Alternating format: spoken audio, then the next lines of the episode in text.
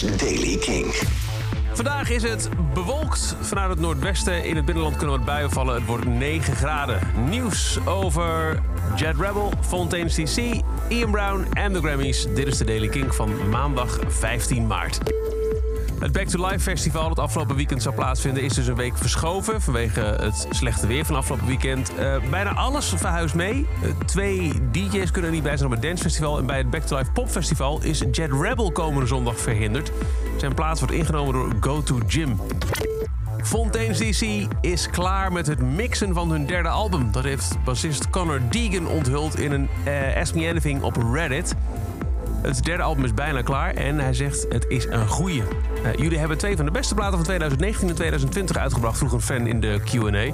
Ik hoop dat je alles vindt wat er maar te winnen valt. Maar wat staat op het programma voor het volgende album? Zijn jullie al aan het opnemen? Nou, uh, ja dus, reageert Deegan. We zijn net klaar met het mixen van de plaat. Klinkt echt geweldig.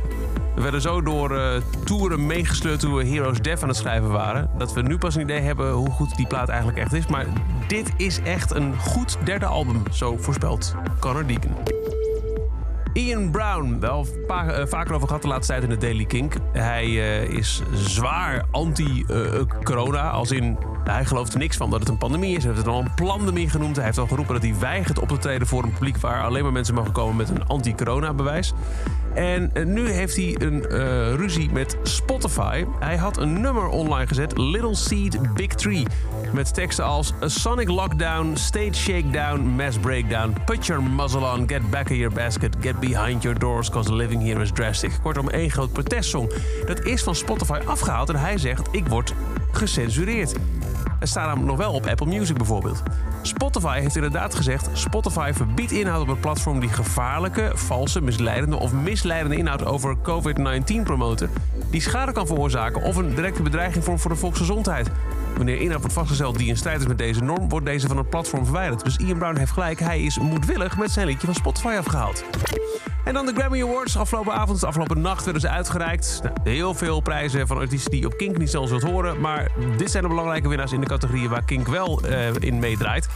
Best Dance Recording en best, Best Dance Album gingen naar Kate Renada. Uh, die dance recording is 10% te veel gedraaid. En het album waar er vanaf komt, Baba, werd dus het beste dance album.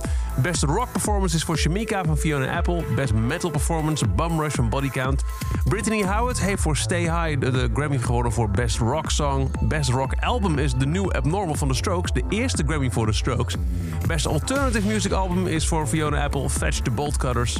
En dan nog twee minder grote prijzen. Maar hey, dit is een beeldje. Uh, beste verpakking, best recording package is voor volumes 11 en 12 van de Desert Session van uh, Josh Homme. En het best non-classical engineered album, waar de beste techniek op is toegepast, is voor Hyperspace van Beck.